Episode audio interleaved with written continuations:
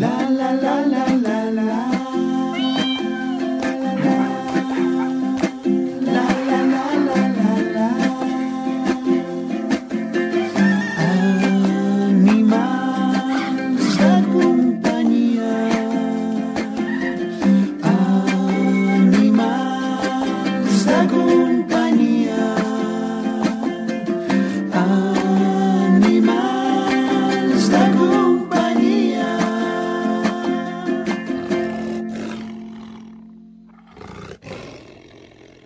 Sabies que la gent canina Kènia de Sant Andreu de la Barca ha posat punt i final a la seva carrera? S'ha jubilat després d'11 anys treballant i de rebre distincions com la medalla espanyola al mèrit policial per la seva trajectòria el 2018. Amb aquesta gossa policia de raça pastor alemany i de 12 anys d'edat es va posar en marxa la unitat canina de Sant Andreu de la Barca, que actualment és tot un referent a l'estat espanyol. Al llarg de la seva carrera, l'animal ha fet una feina important en la lluita contra el consum d'estupefaents i en la conscienciació dels joves en conductes de civisme. Una de les actuacions més destacades de la Kènia és la seva intervenció el 2015 en un servei on el guia va quedar ferit greu i ella va actuar salvant-li la vida. Arran d'aquesta actuació, la Kènia es va fer una lesió al maluc, però tot i això va continuar treballant. Fa uns anys va tenir una ventrada de 10 gossos i 9 precisament també són gossos policia. Amb aquesta notícia indispensable pels que us agraden els animals, comencem el podcast d'avui on ens preguntem si és bo que el nostre animal de companyia dormi amb nosaltres. RAC més i Gosby us ofereixen Animals de companyia amb Bàrbara Julve, un podcast per una relació saludable amb els vostres animals. Moltes famílies tenen un animal de companyia a casa a qui consideren part fonamental del nucli familiar. Hi ha responsables que permeten que els seus gats i gossos dormin a la mateixa habitació o fins i tot al mateix llit, però és dolent dormir amb ells. Analitzem tot plegat amb la trozoòloga Paula Calvo. Paula, què tal? Benvinguda. Hola, molt bones. Gràcies per convidar-me a parlar d'aquest tema que em sembla super interessant. Sí, perquè realment hi ha molts responsables que es pregunten no, si dormir amb els seus companys eh, animals és bo o dolent, tant per als humans, Paula, com pels mateixos animals. És un tema controvertit, aquest. Sí, bastant. Però les dades ens diuen que gairebé es calcula que entre un 30% i un 50% de la gent que té animals de companyia, que conviu amb animals de companyia, fa aquest, eh, aquest dormir, ja sigui a l'habitació o fins i tot en el llit amb, amb el seu gos o amb el seu gat o de vegades altres animals. Altres animals, com per exemple, de què estem parlant? Podríem estar parlant de, des d'un conill, un hàmster, mil coses. I, bueno, ens podem... Eh, iguanes, hi ha gent que dorm amb la seva iguana, però bueno, ja seria com el més estrany. Però en, en aquest sentit, sobretot, estem parlant de gossos i gats. Però eh, pot haver-hi risc si es pateix al·lèrgia, asma... Eh, realment, quins inconvenients hi ha o, o, o quins beneficis? Hi ha les dues coses. De fet, eh, en els estudis que hi ha, que tampoc són molts, podem parlar de poc més d'una desena d'estudis al respecte, el que ens estan dient és que dormir amb el nostre company mm, pelut no és pitjor o millor que, en principi, dormir amb qualsevol altra persona, que pot ser un nen o pot ser la teva parella. Això és el que ens diuen. A nivell de, sobretot, la part de eh, d'estorb eh, i de, que et pot molestar, que potser és el, és el risc més important, que és eh, les molèsties a l'hora de dormir i el no tenir un, un son de qualitat. I aquí és on podríem tenir el major dels problemes. Però, quan es miren els estudis, la majoria ens estan dient que més o menys és el mateix que dormir amb la teva parella o dormir amb un nen, que moltes vegades també eh, es fa el, el dormir, encara que sigui puntualment, amb un nen perquè ha tingut por, ve al llit i de més. En aquest sentit, en, que és potser el punt més clau eh, de, de dormir amb el nostre animal de companyia, és, és així mateix. I fins i tot hi ha un estudi curiós fet a Austràlia amb dones on es veu que dormen millor amb el seu animal de companyia que amb la seva parella. Caram! Així, així, així ho deixo. Era una mostra petita i tal, però, escolta, també, vull dir, s'han de tenir en compte tots els resultats.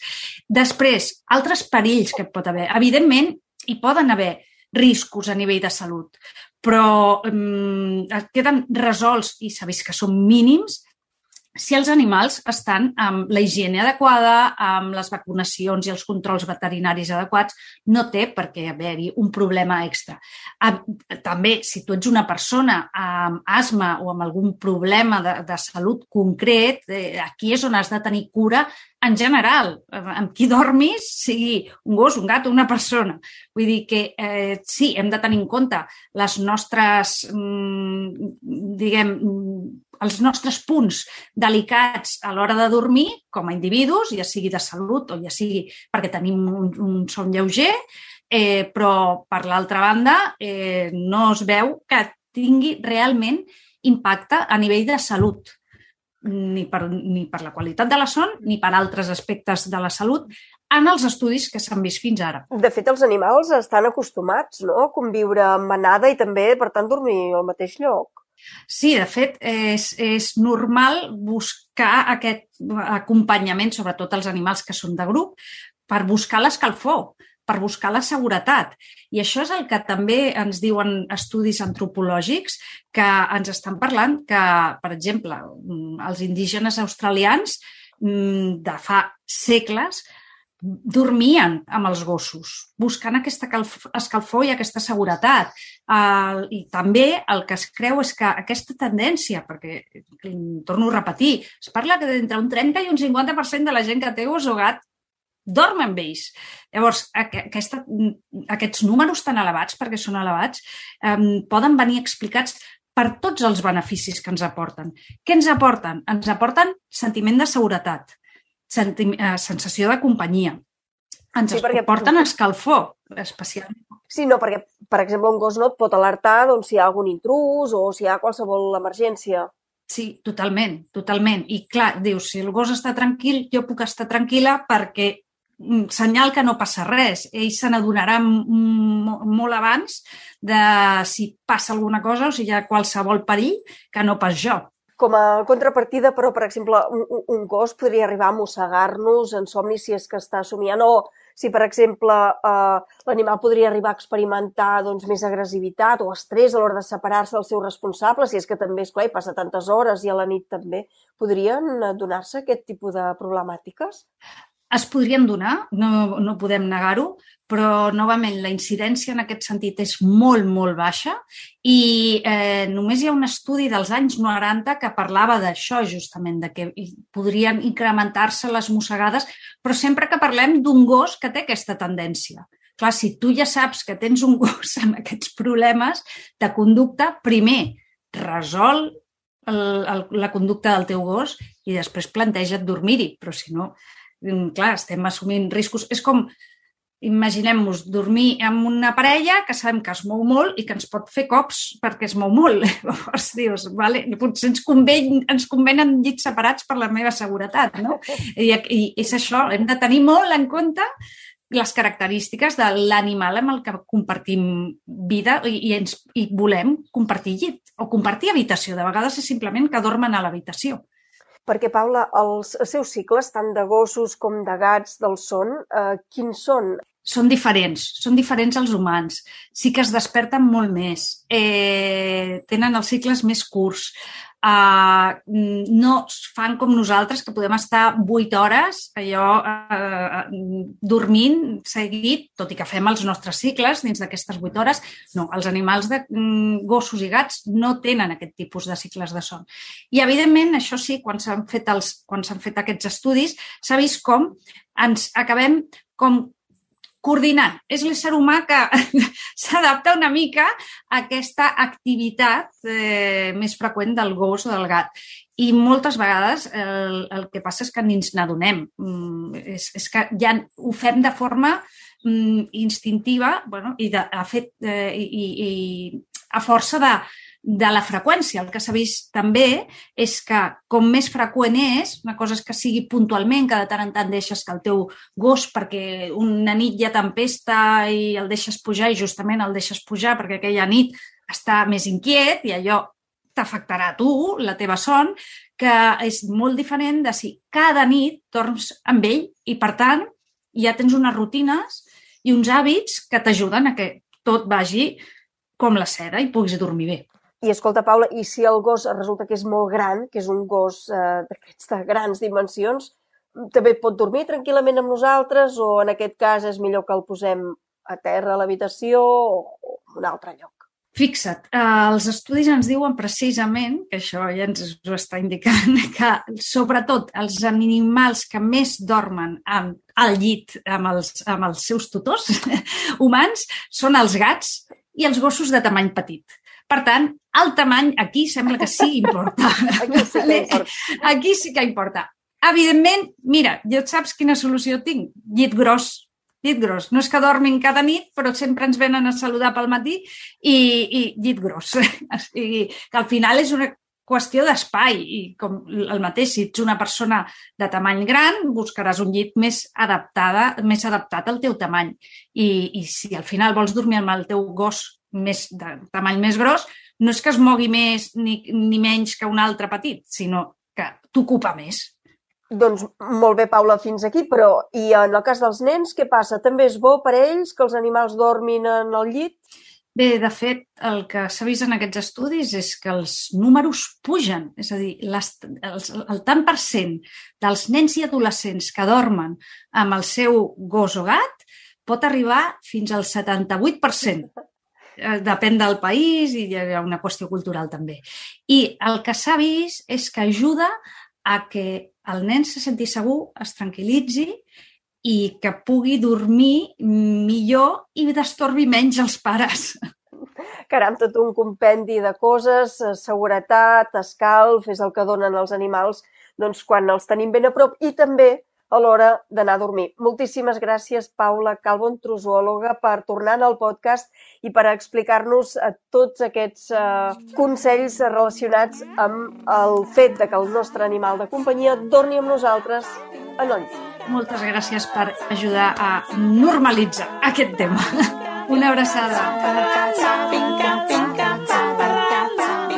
Una gata de nom Gertrudis o en Charlie, un gos terrier, són només alguns dels animals que han passat per la seva vida. La nostra protagonista d'avui també ha tingut canaris, tortugues, peixos i ara mateix, que precisament els sentim, corren per casa seva en Fuet, en Trotsky i en Will. Tres gossos amb molta personalitat. Qui en té cura d'ells és l'actriu Agnès Busquets, que ens explicarà com s'ho fa per compaginar la seva feina tan plena de projectes, entre ells el Polònia, on hi treballa des de fa 15 anys, des del primer dia, amb aquestes tres bèsties que tant admira i alhora tant d'amor i companyia li regalen. Agnès, què tal? Benvinguda, estàs molt ben acompanyada, eh? Sí, i molt enfeinada també. Donen molta feina, però fan molta companyia, sí. Clar que sí, molta feina, o més feina o alegries? Què, què, què et donen? Més? Jo crec que més alegries, perquè, a veure, la feina és cada dia la mateixa. A no sé que jo que sé que algun es posi malalt o alguna cosa d'aquestes, però la feina és la mateixa, que és treure'ls a passejar tres cops al dia, donar-los menjar i jo què sé, ja està. Ja està, i jugar... I llavors, clar, ells, ells és molt divertit. A mi em fan, em fan riure molt, em fa molt, bueno, jo me'ls estimo molt, fan molta companyia, eh, i, i és que a més és que és això, em fan, és que a mi em fan riure. Però són Em tres, fan riure. tres Són animals. tres, sí. com, com ho fas, Bueno, això? va anar, va anar així, bueno, a veure, no, no era la intenció, eh? No era la intenció te- tenir tres gossos. Eh, però bueno, primer va venir en Fuet, llavors eh, va, va aparèixer en Trotsky que ens el van regalar perquè bueno, una família se n'havia de desprendre i ens va fer com pena i vam pensar, "Bueno, així el Fuet no està sol, saps? Dic, jo què sé, perquè ser, go, ser gos i estar sol, jo crec que, que, que els gossos És són avorrit. molt... És avorrit. Vull dir, jo crec que els gossos són bastant de- d'estar... són com molt gregaris, no? De, Exacte, són de manada. per això, llavors dius, home, mola que tingui un amic. I llavors després ja el, ja el Will va ser el, que, va ser el capritxo total. De, vull un, perquè són tots tres, són teckels. Tots tres són de la mateixa raça. Són de la mateixa raça, salsitxes. I, I diguem que el primer és en Fuet, és un, em van donar Pincher por Teckel, bueno, bàsicament és una barreja de Pincher i Teckel, Sí. que en teoria era Teckel, i no. O sigui, tu el veus i és com un, és un híbrid. Sí, Les orelles no li baixen, fa molt riure, té unes pa, els o sigui, té tamany d'orella de Teckel, però les, les té amunt sempre. Saps aquests, aquestes guineus del desert, Sí, del, sí. del Marroc, saps? Pues, saps una mica això. Eh, I després el Trotsky és de pèl dur, d'aquest així que n'hi diuen senglar, no? I, i, i, i, bueno, és un tronquet, és, és que ja els estic mirant, sí. és així com molt robust, tal, no? No és que estigui gordo, eh? perquè ja, a veure, ens el van donar així i vaig pensar, hòstia, pobra bèstia, està molt gordo. I no, no, perquè aquí fa dieta i, i no... És que És la té seva una, una, constitució. té un, sí, sí, té un abdomen super, super gros i és així com... I llavors vaig tenir el capritxo de que jo volia un tekel, tekel. I llavors sí que aquest vaig anar a un, Va arribar a un, a un, sí, va arribar al Will, que a més és molt bonic perquè és, és d'aquests que n'hi diuen arlequí, és tacadet i és preciós, és supermaco. Mira, el tinc aquí dormint a sobre meu, mentre Caram, xerrem. quina, quina companyia. I com s'explica que tot això, aquests tres gossos han arribat a casa teva després que un gos et mossegués a tu de petita? No, no et va A mi de petita? No, no, no. No, perquè eren, eren uns gossos que ens estimàvem molt. De, me'n recordo, anàvem de petites, quan érem petites, ma germana i jo, amb els meus pares, havíem passat alguns estius a Prades. I allà hi havia uns amics, que jo, una, una parella d'amics dels meus pares, no sé, no recordo molt bé perquè ties, jo era molt petita, eh? eh? I tenien dos gossos. Hi havia un, un que era un tipus pequinès i un que era així com bueno, una, una barreja de, no sé, de, jo crec que era de... Hòstia, no em surt mai la, la raça aquesta. Eh, bueno, era un gos així més gran, ¿vale? I, i jo estava enamorada del gos gran. I un dia se'm va acudir tocar el petit, li vaig tocar el cap i em va fotre la queixalada. Però res, em va marcar, em va marcar. I la dona diu, no, no tinguis por, això és perquè no li agrada que li toquin el cap. Als gossos a vegades no els agrada que els hi toquis el cap. Dic, ah, vale, vale.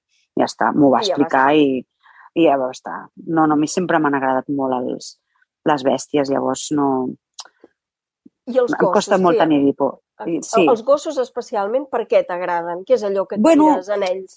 És que a més igual, eh? M'agraden m'agraden molt els gossos i m'agraden molt els gats. O sigui, no tinc gat perquè seria una bogeria tenir un gat ara aquí també. Bàsicament perquè tinc tres gossos i a més són els tres gossos són, són gossos de, de caça, vull dir, el Tekel és gos de, de, de niu i de, i de cau, són caçadors de cau. I, clar, o sigui, només faltaria ara aquí tenir uh, la caceres diàries a casa amb, amb un gat. No s'ha de passejar, eh? Però, Agnès, el gat no, faria falta no, no, passejar. no s'ha de passejar, però, però, en brut, però a nivell de pèls embruten més que els gossos. És, deixa Sí. molt de rastre. Els gossos sí que deixen pèl, però amb una aspirada ho tens en un moment. No, no fan borles del desierto, d'aquelles que fan els pèls de, de gat. Tota la vida he tingut gat a casa dels meus pares. I després, quan vaig venir aquí a viure a Barcelona, després de la carrera, també una, una companya de pis va aparèixer amb un, amb un gat que s'havia trobat pel carrer i ens el vam, ens el vam quedar. I me la vaig acabar quedant jo, la, la Gertrudis. I, i llavors, quan va morir la Gertrudis, al cap de tres anys o així, va ser com, bueno, volem un altre animal de companyia, però com que teníem en Pep, que, que és el, el nostre fill, Sí. que li agraden molt, molt els gossos, a ell li agraden molt els animals també. I mira, ens va venir... bueno, vam, vam tenir el gos, és veritat, no, no, clar, va venir perquè una veïna meva, la seva gosseta, sense que ella ho sabés, es, es veu que l'havia emprenyat i no, no, no ho sabia.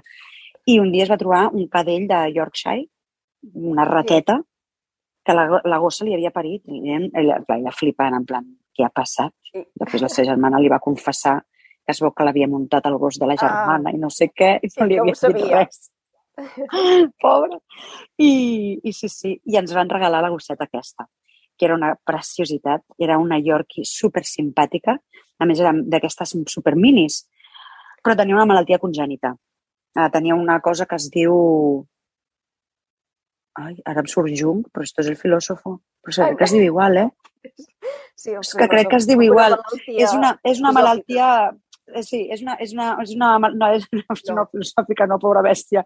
No, és una malaltia, eh, els hi Mortal, queda una, ven, una vena del, del fetge per fora Sí. i llavors no filtren bé la proteïna i els agafen com una mena de, de xocs, com, com atacs epilèptics i, Mm, i, amb el, bueno, i, i pobra bèstia va morir. I llavors, vam, davant del trauma, vam, intent, vam adoptar un gos, que era el Charlie. En Charlie era un terrier, que el primer dia que el vam tenir vam, portar, vam anar a buscar pinso pel gos i el del pinso, el, el veterinari, el de la botiga de pinsos ens va dir, porteu el veterinari, aquest gos ja té una pell atòpica de l'hòstia. mm, d'acord, el portem al veterinari i el veterinari ens diu, sí, sí, aquest gos no li pot tocar el sol. Sí. Nosaltres, clar, nosaltres vivim, a veure, vivim a Barcelona, mm, Mediterrani, i, el, i els gossos, veure, tenim gossos perquè tenim terrat, perquè si no, no en tindria. O sigui, jo, jo sense sortida un gos no, no el tindria, Sí. però bueno, com que té una, tenim sortida, doncs, eh, doncs els tenim. Es, els pots tenir. Total, que el bitxo el traiem a passejar i ja, ja vam dir, sí, sí, doncs el medicarem o assumirem, jo què sé, ja, ja intentarem que vagi per les ombres, saps? allò super sacrificats, saps? Sí. I vam, vam sortir a passejar i eh, va passar d'ensumar-li el cul amb un, amb un pitxon maltès a, a, a voler-lo matar. El va pillar per l'abdomen i no el deixava anar. Caram, una reacció... Els terriers... Sí. Bueno, els terriers és bo que ja ho tenen, això. Sí. I, I i, bueno, vau- l'endemà el vam veure- tornar. El vam tornar. No, no Mm, podíeu Sota el disgust del meu fill, uns plors i tal. Clar, jo aquella nit era com... Estic durmiendo con un asesino, Ai, saps? ai, ai. O sigui, va passar... Primer jo li veia uns ullets, saps? I després Sí. li veia uns altres ullets, saps? Allò, et canvia, et canvia molt fort. Clar, et canvia la perspectiva totalment. No dius, hòstia, aquest bitxo se li va l'olla.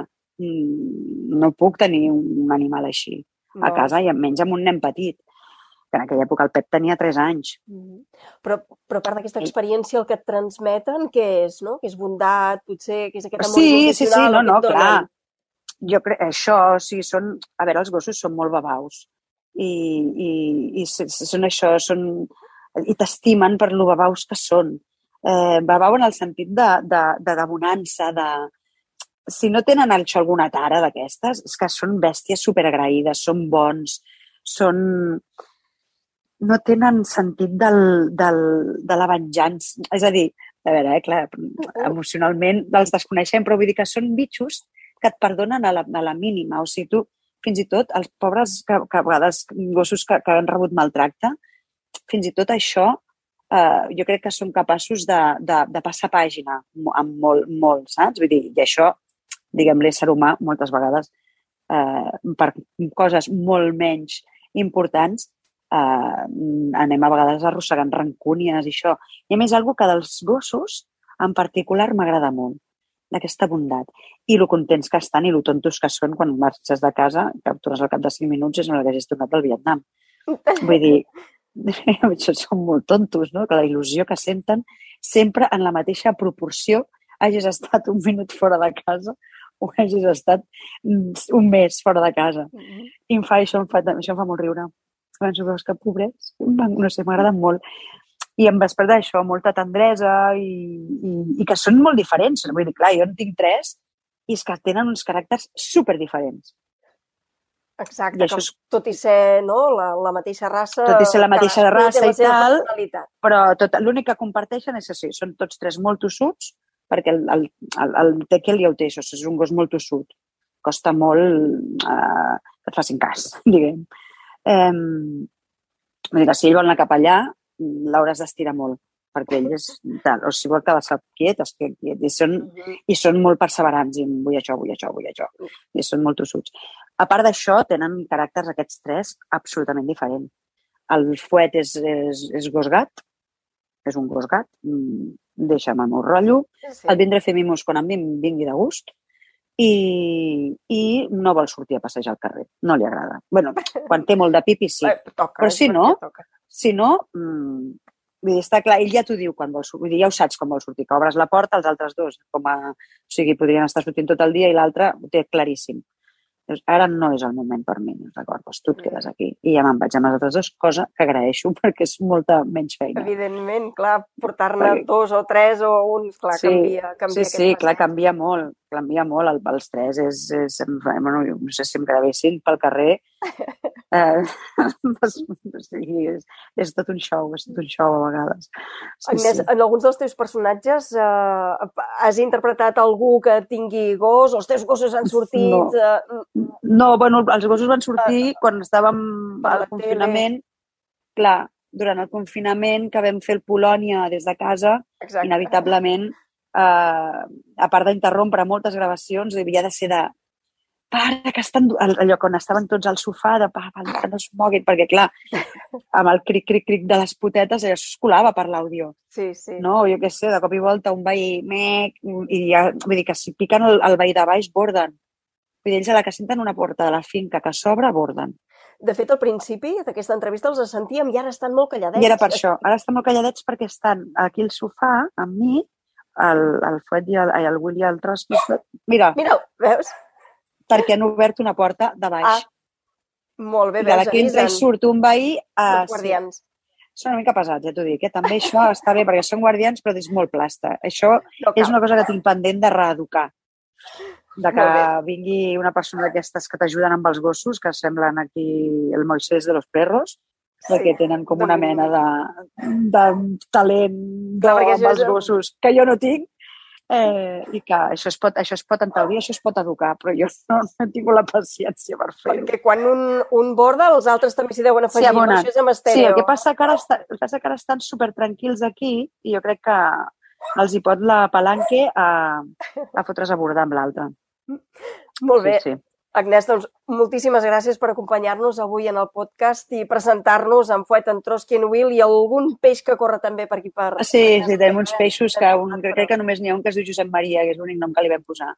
I, i no sé, el meu fill els hi posa noms als peixos.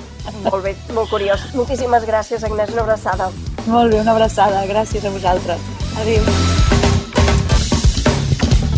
Jordi, què tal? Això és un no parar de rebre imatges d'animals, eh? Estem molt contents. Estem molt contents, o molt bones a tothom, i sí, sí, molt contents. Cada vegada tenim més imatges, i més imatges de qualitat, la veritat. Sí, mira, Jordi, a mi n'hi ha una que especialment m'agrada. Eh, es veu un gatet eh, en, en un jazz, és un gat de color gris, eh, molt petitó, que ens l'envia la Carme Busquets, però tu que ets l'expert, l'encarregat d'escollir la imatge guanyadora d'aquestes dues setmanes, vinga, per tu, quina és la millor i per què? Mira, la imatge del gatet, la veritat és que és molt tendra, molt maca. Inclús també ens han enviat eh, gossets molt tendres i molt, i molt macos, amb diferents postures, però jo crec que aquesta setmana, eh, per originalitat i per la cara que hi posa i, i per la temàtica que tenim aquesta setmana, que és Halloween, tenim aquí aquest gosset aguantant la carbassa de, de Halloween, no sé si aguantant o menjant-se-la, amb aquesta careta, dient, eh, ja tornem a ser Halloween, i no sé si és de por o de tristesa, la veritat, però és molt, molt original.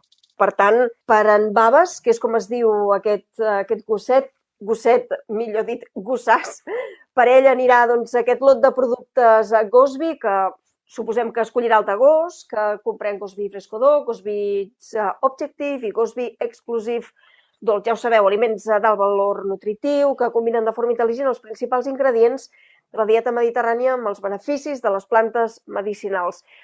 Jordi, recordem ràpidament els requisits per participar al concurs, que són molt fàcils. I tant, Bàrbara, és molt i molt fàcil.